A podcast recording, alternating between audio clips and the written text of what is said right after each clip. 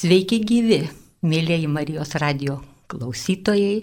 Garbėjai Jėzui Kristui sakau visiems, kurie šią valandėlę mūsų klausosi ir šį kartą kalbėsime apie vieną iš Lietuvo šviesuolių, šviesiųjų žmonių, kuriuos atsimename jau antrąjį šimtmetį, mini laižuva, mini krinčinas, mini zarasų jos gimtinės kraštas. Manau, kad verta paminėti mums ir Marijos radijuje. Atsinešiau mūsų Lietuvų literatūros ir tautosakos instituto gyvosios poezijos serijoje 2017 metais išleistą knygelę Antanas Vienažindys dainos lietuvininko žemaičiuose. Būtent tai yra mokslininkų parengtas leidinys iš jo paties ranka sudaryto originalo, pridėta kai kurie numanomi tekstai ir šalia kompaktinė plokštelė, kurioje Antano Vienažindžio eilėraščius įskaitė to krašto žmogus, taip pat Zarasiškis, Dusetiškis, aktorius Algirdas Latėnas. Tad šitoje laidoje dalyvausime menamai tryse. Pakviečiau ir mūsų studijoje yra knygos sudarytoja ir įvadinio straipsnių autorė profesorė daktarė Brigita Speičytė, o balsas įskaitytas kompaktinėje plokštelėje, aktorius Algirdas Latėnas mums paskaitys kai ką iš Antano Vienažindžio palikimų ir galbūt ir galėtume pradėti pirmoji daina, paties jo ranka įrašyta, tarytum kūrybinis manifestas, o į dainos dainelis jūs mano patieka. Daina vietoj pratarmos. Oi, dainas, dainelas jūs man patieka, visi širdies skausmai pas jumis palieka. Tadu aš laimingas, kadu jums dainuoju, kadu savo vargus vergdams išrakuoju. Rakuodams dėjuodams išmokau dainuotę, kaip mišką gegiūžę iš skausmą kukuotę. Aštrus valdžias peiliai širdį man parvėra ir sunkiai linciugų ant kaklą užinėra. Raik man naštų nešte ir krimst plūtų kietų, vienam kaip žuvelai gyvenant unsvietą. Toli mano tėvai, Un dungišką skliausmą, nėr kam nuraminti mano širdies skausmą, toli mano broliai visur išblaškyti, vieni jau užmirša, greit užmirš ir kiti, toli ir tu esi, o mano gulbelą, kodėl neatskrendi tu, mano paukštelą Kodėlgi tu gaili baltųjų sparnelių, kodėl neaplunkai ir mano namelių, laukiu aš intavys, runku pasiremys, ašarams aptvynys, rūpestį paėmys. Kreipiuosi į profesorę Brigitą Speičytę, kuri galėtų mums pasakyti, ar tai e, poeto kūrėjo savimonės atšvaitai, e, kaip susideda tokiame eilėraštyje jo gyvenimo refleksijos ir kodėl jis, šitas Lietuvo šviesuolis, yra mums iki šiol svarbus. Ačiū, laba diena, gerbiami klausytojai. Taip iš tiesų galėtume šitą eilėraštį pavadinti programiniu Antano Vienašinčio eilėraščių daina, juo labiau, kad, kaip minėta, paties poeto gyvenimo pabaigoje sudarytame rankraštinėme jo dainų rinkinyje šis eilėraštis daina vietoj pratarmos įdėtas kaip pirmas. Žvelgiant į to rinkinio visumą, yra matyti, kad vienas žindys sudėjo savo dainas neatsitiktinė tvarka. Jis šitą rinkinį iš tiesų sukūrė kaip poezijos rinkinį, kuriame plėtojamas toks lyrinis siužetas nuo pradžios iki pabaigos ir poezijos rinkiniuose XIX amžiaus, romantizmo epochos poezijos rinkiniuose, bet taip pat ir iki pat XX amžiaus. Pirmasis eilėraštis paprastai būna labai reikšmingas. XIX amžiuje poezijos rinkiniai galėdavo būti pradedami ir pratarmėmis, kaip čia daina vietoj pratarmos, tos pratarmės galėjo būti ir parašytos proza, e, publicistiniu stiliumi, bet tai galėjo būti ir įvadiniai, dažnai dedikaciniai lėraščiai ir paprastai jie turėdavo ir programinį pobūdį, jie turėdavo skaitytojus įvesti į autoriaus kūrybos pasaulį ir tokiuose įvadiniuose eilėraščiuose paprastai yra išsakomas, na, nusakomas kūrybos šaltinis. Ir poezijos tikslas. Tai šitoje vienažinčio dainoje vietoj pratarmos mes taip pat matome ir poezijos tikslo temą. E, poezija yra skirta paguosti kenčiančius. E, galėtume sakyti, kad vienažinčiui poezija yra e, būdas na, patirti ir perteikti lyrinio katarsio galimybę, tai yra apvalyti jausmus, nuraminti širdies skausmą, palikti dainose. Na ir nusakytas čia taip pat ir kūrybos šaltinis, kaip dažnai esti romantinėje poezijoje, kūryba kyla iš skausmo ir kančios patirties. Tai yra sunki būsena, bet ji taip pat yra ir kūrybinga. Tai čia taip pat mes matome tą vienatvės keliamą kančią. Ir kitas svarbus dalykas, kad vienažindžio šitoje dainoje e, vienatvė yra susieta su na, to meto istoriniu politiniu kontekstu.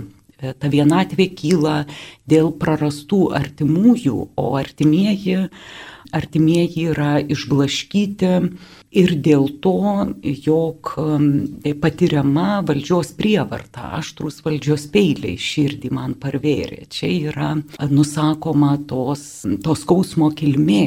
Taigi viena šinčio poezija pasakoja vidinę žmogaus jausmų išgyvenimų istoriją, bet taip pat kaip ir šioje dainoje, na, susisiekia ir su savojo laiko žmonių patirtimi ir istorinę aplinką. Ir dabar pagalvojau, Antanas Vienažindis paliko mums tikrai nedaug tekstų, kuriuos turime jo autografą. Šiek tiek daugiau galbūt tekstų yra išdainuojamų keliausių per žmonės nuorašais. Yra tokių spėliojimų, tarkim, Davainis Silvestraitis, aprašydamas jo laidotuvės, yra paminėjęs, kad Varšuvos profesorius Adomas Ječinauskas tarytum įsivežęs apie šimtą dainų tekstų tekstų ir kitų jo užrašų, ketinęs rašyti biografiją, publikuoti, gal kur nors Varšuvos, Lenkijos archyvose, ką mes galime žinoti Dievo valia, kada atskleidžia mums tuos lobius, kada juos užveria. Bet gal šitą valandėlę, kiek spėsime, kiek nespėsime, mes kartu palygintami ir kad mūsų klausytojai prisimintų ir Antano Vienažindžio gyvenimo faktus, palygindami juos su poezijos faktais, e, pabandysime pakalbėti. E, iš karto pasakysiu, kad aš pati, ruoždama šią laidą, rėmiausi daktarės Teresės Bikinaitės paruoštą puikią monografiją Vienužis, kuri išleista 1996 metais. Aš manau, kad ne vienoje bibliotekoje galite ją rasti ir tie tie, kurie domitės, tai ten rasite didžiulį sąrašą panaudotos literatūros. Sakom, kad lyg ir užmirštam vieną žindį, tik išdainuojam, bet iš to matome, kad jis niekada nebuvo užmirštas. Ir kunigas Juozapas Žebrys, pirmasis spausdinės Kleopas Jurgelionis, mūsų šmaikštusis vaižgantas į savo paskaitas įtraukęs ir kiti tyrėjai daug apie jį yra prirašę. Taigi pamėginsime trumpai enciklopediškai. Vienažindis gimė, tai yra Gipėnų kaime prie Dusetų, yra Vienažindžio muziejus. Tai nėra jo gimtinė, ten gyveno jo senelis Juozapas Vienažindys, laisvasis valstietis, o štai Tėvas Justinas jau matyt pamokytas arba šiaip jau išmokęs agronomijos, buvo kaip dvarų kvedys. Jis nuomojo Anapolį ir būdamas taupus, apsukrus, kaip rašo Vaižgantas, po 1831 metų dvarų konfiskacijos nusipirko tą palivarką, parsivedė gražią jauną skardžią balsę Barborą Urbonaitę iš Dumblinės kaimo ir štai čia jiems 1841 metais gimė pirmasis sūnus. Mano kolega, folkloristas Kostas Aleksinas yra radęs metrikus, juos išvertęs, taigi galėčiau pacituoti. 1841 viešpaties metais, rugsėjo 22 dieną, tai yra praslinkus 8 dienoms po gimimo, Dusetų Romos katalikų bažnyčios krikštytas su šventais aliejais kūdikis vardu Antanas Justinas 1841 m. rugsėjo 14 Šventosios vakare toje pat parapijoje Anapolio palivarkė gimęs. Su tuoktiniu Justino ir Barboros vienažinčių sūnų krikštijo Steponas Pojarskis, dusetų altarista, o laikė krikštijant kūmai Andriejus Krivickis su Terese Urbonenė vienažindienės brolio Norberto žmona. Matome iš šeimos giminės medžių, kad Justino, Juozapo, Norberto vardai ten yra labai tokie tankus, nes ir šitoje šeimoje po Justino, Antano Justino vienažindžio, apie kurį mes kalbame, gimė kiti vaikai, broliai, Norbertas truputėlį jaunesnis už jį, vėliau baigęs Peterburgė matematikos mokslus, mokytojavo Rusijos gubernijose ir taip jau Lietuvai, tarytum, sakytumėm, pražuvo. Kitas brolis Juozapas baigęs teisės mokslus, taip pat e, prapuolė Rusijos platumose. Sesuo Karolina liko čia, ištekėjo už Juozo Šuto Valavičiaus ir žinome iš laiškų, kad Antanas Vienažindys labai prieštaravo dukros, e, atsiprašau, sesers tai santokai, nes žinojęs būsimai svainį kaip tokio, na sakyčiau, laisvo, čia daugiau tokio elgesio, kad jisai ir mėgsta stiklelį pakilnoti, laikė jį girtuokliu ir, ir seseriai sakė, nu aš jau tavęs atsižadėsiu, bet paskui pamatęs, kad svainis pakankamai padoriai tvarkosi, atlyžo ir vėliau jų santykiai buvo geri. Tai va čia iš karto aš ir norėčiau pasakyti tokį pastebėjimą, nes kai mes mokėmės mokykloje ir iš Eduardo Mėželai, Žemaitaičio, kaip atsimename, ilgų, ilgų man ant svieto verkė ir malšina sopulį vynu, vienišas lietuviškas Petrarka, buvo lyg ir sudarytas toks vaizdinys, kad viena žindis mėgęs irgi stiklelį ir galbūt, sakysime, ir buvo taikoma, kad galbūt, galbūt jau ten tuo keliu slydęs, bet manyčiau, kad iš daugelio dokumentiškai pagristų istorijos faktų jis kaip tik tai buvo nusiteikęs kitaip taip yra.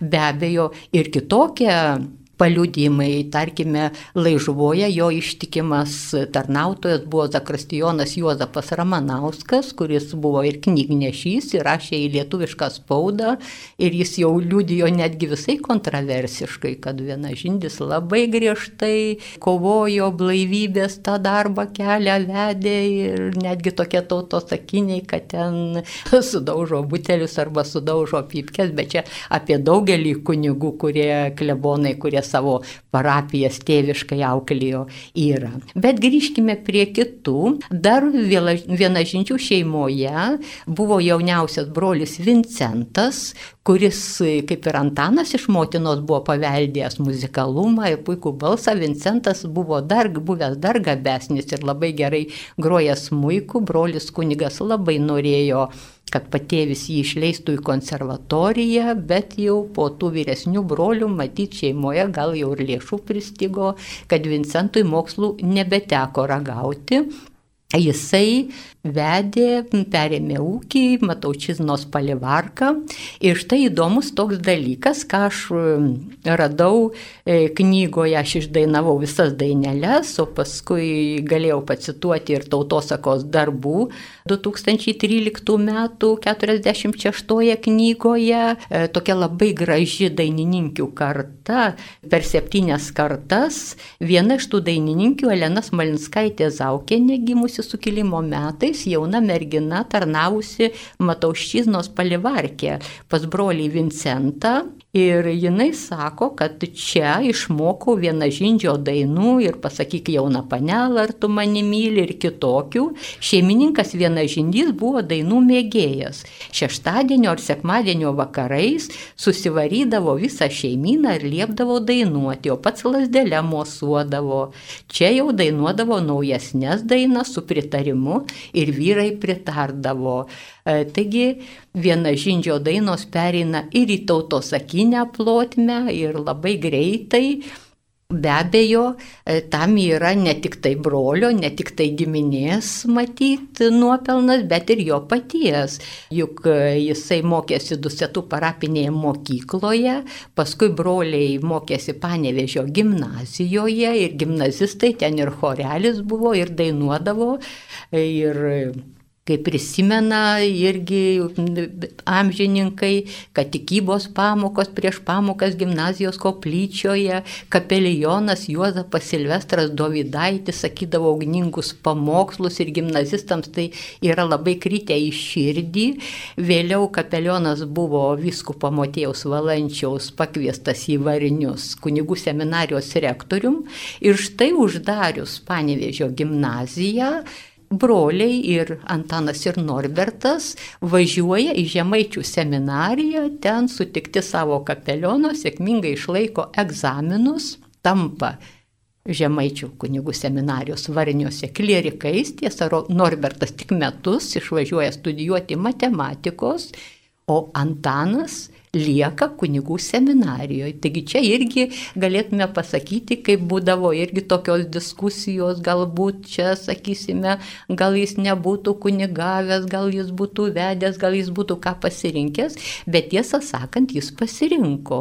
Ir tai buvo 1861 e, metai, dar legendinė rožė tebe gyveno Staskoniškių kaime, e, Stauskų šeimynoje, bet Antanas buvo pasirinkęs ir labai gražiai mūsų lietuvių literatūros ir tautosakos instituto mokslinėje bibliotekoje rankraštinė yra kai kurie e, Antano Vienažinčio laiškai rašyti į namus. Motinai ir patėviui Justinui Stauskui, nes tėvas mirė anksti, kai jam buvo vos dešimt metų ir tada jau patėvis rūpinosi jos į mokslus išleisti.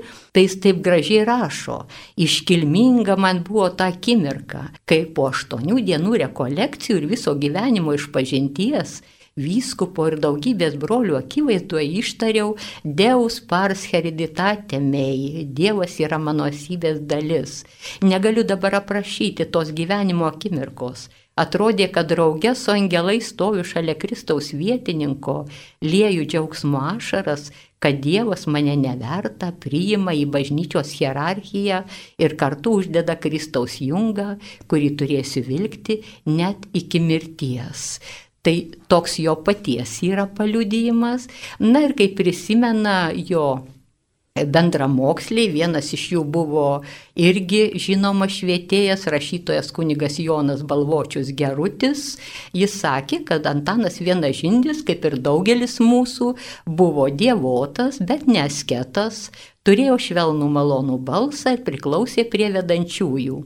Jau tada sukurtos jo dainos - linksminkimos, linksminkimos, pasakyk, kaip panitėlą ar tu mane myli, pasakyk man, kodėl lakštingalėlė kai pasivaikščiodavę ir pasimeldavę klierikų koplytėliai, klierikai imdavo dainuoti, tai viena žindis būdavo vienas ir iš pirmųjų ir jis pats yra liudijęs, kad tada jisai ir nusirašė labai daug liaudiškų dainų, nes anot jo sueidavo bernaičiai iš visur, iš visos Lietuvos. Ir išmokau iš jų be ne pusantro šimto dainų, o antrą tiek pats pridainavau. Savo dainai rinkti patogiausia būdavo dideliausioje spintoje, kur klierikai savo drapaną sukabinėja. Nebuvo kitos ramesnės vietos. Įlendu būdavo, užsidarau ir svajoju, svajoju savo vienas. Kartais gailiai verkiu ir dūsauju, kartais dantim griežiu, jausmai šėlsta į tvarpelis, Ir kiekvieno tokio liūdėjimo spintoje po jo įsineždavau naują sugalvotą dainą. Be abejo, jas dainuodavo seminarijoje, grįžęs į gimtinę jaunimui ir taip pat ir baigęs, kai vikaravo pirmosiose savo parapijose, Šiaulėnuose, Krinčine. Taigi primenu, kad šioje Lietuvo šviesuolių laidoje kalbamės su profesorė Brigita Speičytė ir dabar norėčiau vėlgi kreiptis, mėla Brigita, galbūt galima būtų keletų minčių taip apriepti jo tą ne tik tai graudųjį, bet ir tą šviesųjį, optimistišką į jaunatviškos kūrybos metą ir jo paveldą. Na taip, jūs labai gražiai aptarėte, priminėte mum Vienašinčio e, biografiją, jo jaunystės laiką ir be abejo Vienašindys ypatingas lietuvių literatūroje, lietuvių poezijos istorijoje tuo, kad jis būtent kūrė tame labai m, tokiam gyvybingame e, dainos ir autorinės poezijos paribyje. Tai buvo dainuojamos poezijos autorius. Dėl to neatsitiktinai, va čia jūs paminėjote e, tas, tas dvi dainas ir linksminkimos ir pasakyki panytėlę, e, jas naujam gyvenimui vėlgi prikėlė ir šiuolaikinis bardas Vytautas Kernagis. Taigi e, viena šinčio poezija gyva dainuojama ir jaunystėje, be bejonės jo ta kūrybinė aplinka, kūrybinė terpė ir buvo dainuojantis jaunimas. Ar kaip, kaip minėjote seminarijoje, ar grįžus atostogų atostogų iš, iš gimnazijos ar seminarijos gimtajame kaime, gimtinės apylinkėse. Ir XIX amžiuje iš tikrųjų mes turime, turime tokių pavyzdžių, kai dainos, poezija subūrė jaunimą, sklinda pirmiausia toje e, artimų, e, artimų bičiulių aplinkoje. Tai tokia aplinka buvo pavyzdžiui ir e, Vilniaus universiteto studentų filomatų draugija, kurie turėjo ir savo tokį himną parašytą Mitskevičiaus, ar vėlgi Varnių kunigų seminarijoje Antano Baranausko, Klemenso Kairio, Pranciškaus Viksvos trijulė, kurie keitėsi poetiniais laiškais ir, ir Klemensas Kairys ir Antanas Baranauskas taip pat grįžę gimtuosius anykščius ten kartu su jaunimu savo dainas dainavo, skleidė, jų mokė. Taigi vienašinčio va šitas ankstyvasis kūrybinis laikotarpis irgi pasižymė tokiu dainavimo džiaugsmu. Ir um, čia matom iš jo paties to kūrybinio proceso liūdėjimo, kad, kad vis dėlto tam tikras, na, liūdėsio, skausmo momentas yra, išlieka svarbus, ar ne, jisai sako kartais ir, ir ašaroju, ar, ar netgi dantimis griežiu, čia, čia paminėtas toks, toks intensyvus išgyvenimas. E, bet be abejo, e, paties vienašinčio dainuose išsakyti jausmai, išgyvenimai yra labai plačios tokios jausminės skalės. Taip, tai yra nuo džiaugsmo, netgi ekstazės, patyrimo, kaip antroje dainoje, vaikščiodams keliu žemybės užėjau verksmo upelį, Ir čia tarp krūmų daugybės atradau gražų kvietkelį. Ir iki liūdėsio netgi nevilties emocijų, kaip, kaip paskutinėje 25 dainoje jau vilties žvaigždė išbėt nustojo. Bet ta šviesioji, sakytume, vienažinčio dainų linija yra išreikšta gėlių kalba, galima sakyti, arba gėlių simbolika. Va čia e, tokie vaizdiniai kvietkelis, žolynas pereina per, per visą vienašinčio poeziją. Ir jį e, galėtume vadinti tokiu gėlių kalbos poetu, žydėjimo poetu ir dėti jo kūrybą na taip iš tolo, tarkime, su vėlesne neuromantikų poezija, tarkime, Salomėjos neries, tomis meistriškomis žydėjimo miniatūromis. Vienas šindys yra galbūt iš tiesų galėtume sakyti pirmasis poetas, kuris e, tuos žydėjimo vaizdinius taip plačiai savo e, poezijoje perteikė. Ir galbūt galima būtų taip keletą minčių pasižiūrėti, kaip sutelpa jame ir, ir poetas, ir kunigas, juk jo poezijoje yra tam tikros ir, sakysime, būtent kunigo, jaunimo mokytojo e, didaktikos, net toje pačioje linksminkimos, linksminkimos, kaip sakoma, jeigu gražiai mes gyvensime, mylės mumi ponas Dievas ir kunigs klebonas. Ir jo labiau turbūt tas atsispindi krinčino mete, nes krinčinė vienažindys labai išsiskiria įsiskleidė, labai gražiai įsiskleidė, e, čia Vaižgantas rašo jau į, to, į tautosakėją toks epizodas, kad esą kai paskyrė vieną žindį į Krinčiną iš Šiaulėnų. Šiaulėnai jam irgi buvo tokie brangus, nes tai yra mokytojo kapeliono Silvestro Dovydaičio tėviškė, bet jis ten labai neilgai buvo. O paskui atvažiuojas į Krinčiną ir Vaižgantas sako, kad vikaras Talačka, kurį jis turi pakeisti, sėdi vežime ir nori parodyti naujajam vikarui, kaip jį labai myli parapiją, kad čia tu netai būsi priimtas ir visi verkia aplink vežimą, jis neskuba skuba išvažiuoti ir staiga užgėdojęs viena žindis verkit mergelės ir senos bobelės, talačka iš Krinčino į Šiaulius važiuoja. Na ir visi tada iš raudų prapliupo juoku ir pamilo tą naują vikarą. Čia jis ir knygnešystę užsijiminėjo ir sako jo biografai, kad kartu su draudžiama spauda, jau nuorašai skleidė ir savo dainas, labai iš to krašto yra prisiminimų surinktų, kad Dieve susimil, kaip sakydavo pamokslus, išklausius jo pamokslus, tai tik gerą, gerą palikdavo ant širdies. Arba kito kaimo, kai nuvažiuodavo motejūnų koplyčion, tai iš kažin kur subėgdavo svietas klausytės pamokslo. Vyrai pametę arklius žagriai subėgdavo jaunimas irgi prisimena, atvažiuos būdavo kunigėlis ant susirinkimo, to visus sustato, sukomanduoji, sustokim dabar ratu ir visi su akvatu, dainos, bovyklės, jokai, o po to Jis ir ten pasakydavo pamokslą. Dainuokit, sakydavo kunigas Antanas. Dainuokit dirbdami darbą, kad būtų lengviau. Dainuokit grįždami iš laukų. Tuomi parodysit, kad priima dalį vargų paskirtų jums aukščiausiojo. Dainuokit suėjimuose, kad nebūt laiko ir vietos negerom kalbom iš jokimam blevizgojimam. Taip sakydavęs jis pamokslus. Beje, kaip ir pamokslai yra ir jo, galima sakyti, perėję į vestuvinės rėdos dainas ir ar negaila seserėlė rūtelių rūtelių ir žirgeliai sukinkyti prie gonkų sustatyti. Tiesiog tai dabar mes nebeįsivaizduotume mūsų ir tautos sakinio to paveldo, kuris yra. Ir tada jisai jau krinčinė tą ir paragavo šlovės grūdą. Nežinome, kad 1873 metais Varšuvos kultūros savaitraštyje Klosai Lenkų etnografas Edvard Chlopitski aprašė vieną kunigą turintį labai didelį poetinį talentą, paskelbė jo eilėraščio, pasakyk man, kodėl lakštingėlė pažodinį vertimą, kurį buvo atlikęs dusetų vikaras Kozickis.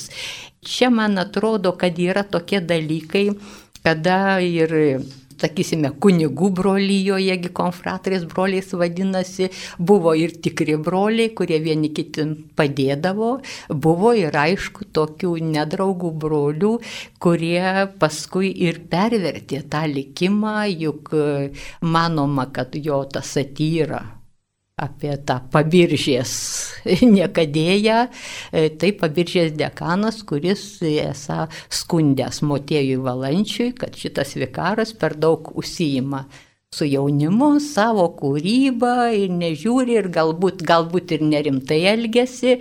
Ir štai šitą Vaižgantas sako, kad e, būtent e, viskupas Motiejus Valančius, kuris buvo tikrai labai rimtai žiūrėjo ir į kunigystę, irgi buvo kaip istorikas žemaitis, ne, ne poetas, bet istorikas, rimtai labai į visą tą gyvenimą ir labai rimtai žiūrėjo, kad jo ganomieji ir ganytojai jo būtų rimti. Vaižgantas sako, kad viskupas nežiūrėdavo nei kilmingumo, nes tarp kunigų buvo buvo ir iš kunigaikščių kilusių, nei kokių protekcijų, jeigu būdavo blogo šnekos apie kunigą, tai tas kunigas patekdavo į viskupo nemalonę ir štai jis priverstas iš Krinčino, kur tikėjosi ir pasiliksęs, nes mylėjo jis senasis klebonas ir norėjo savo palikti įpėdiniu, jis metamas ir į Vainutą, ir į Breslaują, kol pagaliau e, mirus klebonui Markevičiui, jau pavyskupis Aleksandras Beresnevičius jį perkelia į laižuvą klebonų. Tai laižuvos metas jau yra toks sudėtingesnis, nes čia e, reikia užsijimti parapiją, ūkininkauti, klebonas yra ūkininkas, juk sako, viskupas literatas, tai tik į altaristas kandidatas. Bet vienažintis kažkaip sugebėjo tą suderinti. Ir jisai labai ėmėsi. Atstatė, ten pastatė naujus tvartus ir kleboniją suremontavo, bažnyčios stogą perdengė Ir reikia tik įsivaizduoti, po keletos metų didžiulis gaisras ir viską nušlavė. Aukštaitiška, poetiška vienažindžio e, dvasia tikrai, tikrai labai smarkiai kentėjo ir vėlgi, kaip Vaižgantas sako, kad, na, jis čia jau pradėjęs jau ir, ir su Dievu provotis e, į liepą pakabintas varpas, laiko mišes ir per pamokslą jis šaukia kad štai pažiūrėkite ir paveizėkite Dievo darbų, kokių stebuklų yra padaręs žemėje ir tiek kartų kartojas psalmė žodžius, kol minė prapliupusi verkti. Taigi, antras tas gyvenimo etapas - sunkesnis, sudėtingesnis, bet jisai mums labai svarbus. Ir galbūt, kaip tarkime, čia XIX amžius, Strasdas Vienažindis, Baranauskas, vėliau perima Maironis, e, kur mūsų vienažindys toje sekoje ir tame lauke. Na taip, kaip jau ir minėjau, vienažindys yra vienas iš vaižganto įvardintos Antanų trijulės. Vaiškantas labai gražiai yra įvardyjęs, kad XIX amžiuje iš visų lietuvių rašytojų įtakingiausi buvo trys Antanai - Antanas Rasdas, Antanas Vienažindys ir Antanas Baranauskas. Tai Vienašindys be jau paminėtų dalykų, jis iškyla ir kaip pirmasis tremties temos poetas. Manyčiau, kad ir tą reikėtų e, paminėti. Kelis eilėraščius savo rinkinyje jisai yra skyręs būtent tremtinių išgyvenimams, tremtinių temai. Kai dabar mes kalbame apie tremtinių tremties arba tremties literatūrą. Tremties temą literatūroje dažniausiai turime minti 20-ojo amžiaus sovietinę tremtį, tačiau e, štai vienas žindys literatūroje įrašė ir tos 19-ojo amžiaus po, po sukiliminės tremties į Sibirą e, patirties pėtsakus. Nors vieną žindį, kaip, kaip jūs čia paminėjote, e, tą Mėželaičio frazę mes galbūt iš tiesų esam linkę laikyti pirmuoju vadinamuoju lietuvių meilės lyriku ir, ir jo poeziją matome kaip turinčią e, tokių meilės ciklo savybių, bruožų, va šitą rinkinį. Bet vis dėlto e, čia aš norėčiau dar staptelėti prie vaižganto vertinimo. E, vaižgantas buvo labai išvalgus Antano Vienašindžio ir biografas, ir, ir kūrybos vertintojas. Ir jis pabrėžia taip pat Vienašindžio tam tikrą politiškumą, disidentinę laikyseną. Štai jisai taip rašo savo paskaitoje. Vienužis nebuvo niekovotoje su to laiko rusų tironija žmonija ir vis dėlto jis, kaip ir Baranauskas, buvo gilus politikas, gal to visai nenusimanydamas pats. Jis tą politiką, tą antagonizmą esamą jai biurokratiniai valdžiai skėpijo pavojingesnių būdų, nes poezija pasaldinta ašarom ir dėjavimais pamirkyta. Taigi taip Vaiškantas vertina vienašinčio poezijos poveikį, kad jis skatino antagonizmą biurokratiniai imperijos valdžiai. Iš pačios vienašinčio poezijos yra matyti ir jo toksai literatūrinis akiratis ir jo buvimas lietuvių ir Lietuvos poezijos tradicijoje. Yra matyti, kad jis tikrai buvo skaitęs Baranausko arba mokėjęs jo dainų. Jis taip pat be bejonės buvo skaitęs ir Adomo Mickevičiaus poeziją, kuri tuo metu buvo cenzūros draudžiama. Taigi be tų kitų savybių Vienašinčio poezija, manau, galėtų būti matoma greta tos maištingosios Strasdo e, kūrybos ir jo asmenybės ir taip pat revoliucingų Antano Baranausko tekstų.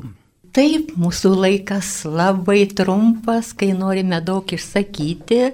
Norėčiau jau į užbaigą pridėti tai, kad Antanas Vienažindis, kaip poetą mes jį įvertinam, pažįstam, bet tarkime, laižuva e, jį gerbė myli kaip savo vietovės iškeliantį kleboną, kuris pastatė bažnyčią, kuri nušviečia visą kraštą, visą laižuvą, kuris paliko savo atminimą, nes, kaip sakėte, laižuvoje ir choristai tebe gėda taip, kaip Antanas Vienažindys yra mokęs jau jų prosenius bažnyčios chore gėdoti, Laižuva visada atsimena, Krinčinas visada jį atsimena, o Laižuvos paskutiniuosius metus juk Antanas Vienažindys mirė pakankamai jaunas ir kaip ir dabar būna, mes sakome, na štai vėžys sugraužė dar vieną iš mūsų kartos, tai ir tada tai buvo.